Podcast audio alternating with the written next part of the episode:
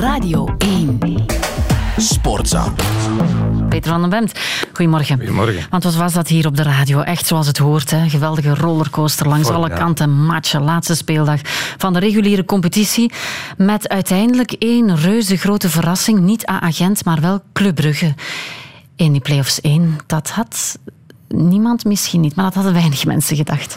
Uh, Rick de Mil zei, ik ben er altijd blijven in geloven, de trainer van Club Brugge die het uh, goed doet. En dat is waar, heeft hij vorig eh, weekend zeker gezegd. Maar ja, niemand heeft dat voor mogelijk gehouden. En alle analisten, ik voorop, heb mij alweer bezondigd aan een uh, formele uitspraak. Nee, dat kan niet. Dat agent thuis niet afmaakt tegen KVO Dan Kijk, daar staan we alweer Maar hoe is dat kunnen ons, gebeuren? Ja, dat is een onverklaarbare toestand die is ontstaan, zal ik maar zeggen. Want blijkbaar zijn ze wel best oké aan de wedstrijd begonnen. En dan een soort ja, verlamming is dan ingetreden. Dan begin je plots te twijfelen. Uh, spelers zijn vermoeid, want hij van Haasbroek had er een hele uitleg voor. En die zeker valabel is voor het hele seizoen, zal ik maar zeggen. Hij heeft gezegd, we hebben een heel krappe kern. We hebben 14 Europese wedstrijden gespeeld. We hebben heel veel blessures gehad. Er waren een paar spelers die ik moet opstellen uh, die eigenlijk niet helemaal fit waren. Ik vind dat valabele excuses om te zeggen, we zijn finaal maar vijfde geëindigd. Maar je moet die match geen, winnen. dat is geen excuus in een thuiswedstrijd tegen KVO Stende, dat de voorbije twee wedstrijden denk ik twaalf doelpunten heeft geïncasseerd bij wijze van spreken, en dat uh, uit elkaar is gevallen, waar een opstand is geweest tegen de trainer, dat is eigenlijk onverklaarbaar. Maar hoe kan en het dat is dan? Een, ja, omdat het nu eenmaal voetbal is, omdat niet alles in het voetbal te verklaren is. Omdat er een soort ja, onzekerheid in een ploeg sluipt. Het publiek gaat zich tegen de, uh, de ploeg keren, wat ook al niet helpt natuurlijk. Dus en dat krijg je dan allemaal. En dan, dan sta je daar finaal met, met een enorme kader. Ik denk dat het een, een kader is die vergelijkbaar is met het verliezen van de bekerfinale een paar jaar geleden tegen tweede klasse KV Mechelen. De kans bestaat dat je ineens geen Europees voetbal speelt volgend jaar, want je moet toch tegen Standaard, Cercle Brugge, Westerlo in, in play-off 2. En, en Agent was net weer, hè, er was nog een interview met Michel Louagie, wat zich net weer een beetje op de kaart gezet. Uh, Agent was weer sexy, ze speelden een mooie uh, Europese campagne tegen West Ham, heel goed gespeeld in de heenwedstrijd. En kijk, op een paar dagen tijd sta je eigenlijk helemaal weer in je blootje. Dus dat is een, een mega mokerslag, want ik, ik kan er uh, bijna zeker van zijn, veel volk gaat er in de Galamco Arena niet komen kijken naar play-off 2 wedstrijden koopjes naar beneden daar. Maar feest aan de andere kant natuurlijk. Club Brugge ja. gaf Eupen een slaag. Dat was dan wel weer overtuigend. 7-0. En na de match werd daar echt gevierd alsof Club Brugge opnieuw kampioen was. Ja, en daar kan je een beetje smalend over doen. En je kan zeggen, ah, Club Brugge toch de grootste, rijkste, beste ploeg, blijf ik nog altijd zeggen, beste kern van het land, is dan uh, vierde ge, uh, geëindigd op uh, 16 punten van Union en Genk. En daar zijn ze dan blij mee. Maar goed, dat is een beetje cynisch, want ik begrijp het natuurlijk wel. Als je in die situatie hebt gezeten en je hebt dat parcours afgelegd de voorbije maanden, eigenlijk. En na die uh, met de kwalificatie voor de achtste finales van de Champions League in, in Madrid. En je, eigenlijk diep van binnen denk je, alles is verloren. Een blamage, straks misschien nog geen Europees voetbal voor het eerst sinds mensenheugenis. En je kan dan op die manier, Houdini-gewijs, en met wel een uitstekende prestatie, uh, ontsnappen dat je dan heel erg tevreden bent. Dat begrijp ik natuurlijk wel. En dat geeft Club Brugge toch onwaarschijnlijk veel zuurstof. En let er maar voorop in play-off 1. Want ik zei ja. vorige week, uh, al, ik moet alweer mezelf tegenspreken. Oppassen, ja? Agent is wellicht beter als scherprechter. Dat was op basis van wat ze lieten zien.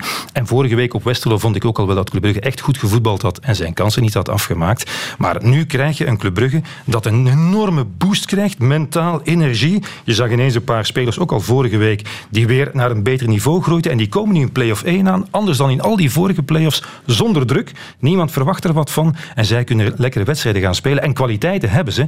Dus Je in weet elk maar geval... nooit. Ja. Nee, ja, ik ga nu toch nog eens zeggen... Oppassen. Ja, nu, met acht punten achterstand op één ploeg kan dat eventueel. Maar op twee ploegen, namelijk uh, Genk en Union en ook nog eens 6,5 op Antwerpen.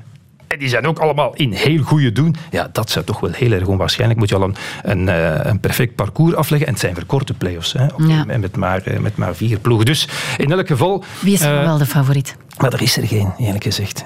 Nee, er is echt geen favoriet. Als je, je, kan zeggen, kijk, Racing Genk uh, speelt wel goed voetbal. Nu gisteren niet. En gisteren was een heel moeilijke wedstrijd en meer dan 2-2 zat er niet in. Maar de realiteit is wel, drie van de laatste tien competitiewedstrijden gewonnen. Ja, dat blijft heel erg weinig. En vooral ook na de winterstop verloren, thuis van hun rechtstreekse concurrenten. Onverdiend, voor alle duidelijkheid, tegen Antwerpen en Union. Maar uh, Racing Genk, dat hadden we het gisteren op de persconferentie ook over met Wouter Frank, moet het altijd doen op dezelfde manier. Namelijk vanuit balbezit, mooi verzorgd aanvallend voetbal. Ik vind het geweldig zoals ze hebben gespeeld dit seizoen. En die andere twee, die kunnen het op allerlei manieren. Antwerpen is eigenlijk helemaal in de schaduw opgeklommen tot in het spoor van die twee.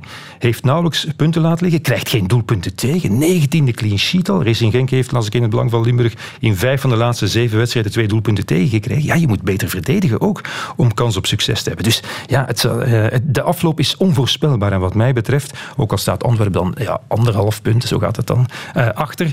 De, de, afloop is onvoorspelbaar. Ik denk dat we, dat we week om week wisselende leiders gaan krijgen, dat het spannend zal blijven tot helemaal op het einde. En dan inderdaad heb je daar dan Club Brugge, dat als scherprechter uh, ook zijn rol gaat spelen.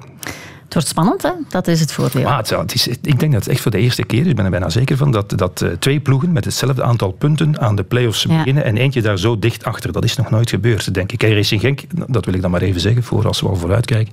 Dus als ze dan gelijk blijven staan, is het dan Genk op basis van de eerste plaats uh, in de reguliere competitie op doelsaldo. Zullen we dan toch nog even kijken naar dat horrorscenario dat zich afspeelt voor Anderlecht? Ja, wat kunnen we er nog over zeggen? Goh, ja, ik weet het niet. Wat wil jij er nog over zeggen? Ja, de, de sfeer moet... Uh, ik heb, het is, rellen aan het stadion ook, toch ook ja, niet vergeten? Dat, die sluimerende onvrede is er, is er gebleven.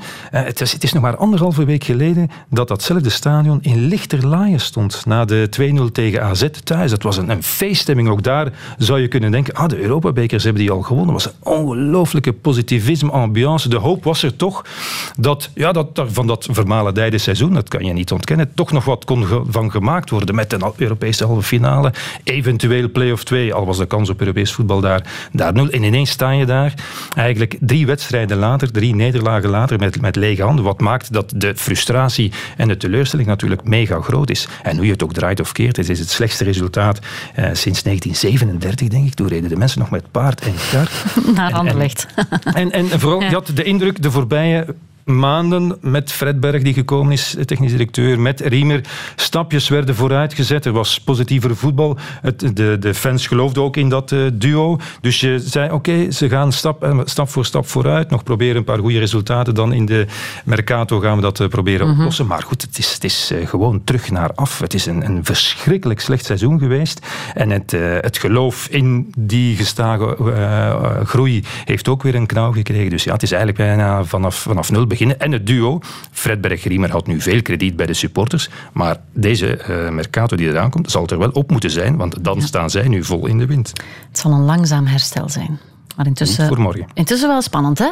ja. En nog niet afgelopen, nee. godzijdank. Want nu doen we alsof alles is afgelopen, maar eigenlijk nee, moet nu nog beginnen. Ja, ja, dat is waar. Dankjewel, Peter van den Ment. Sportza. Sportza.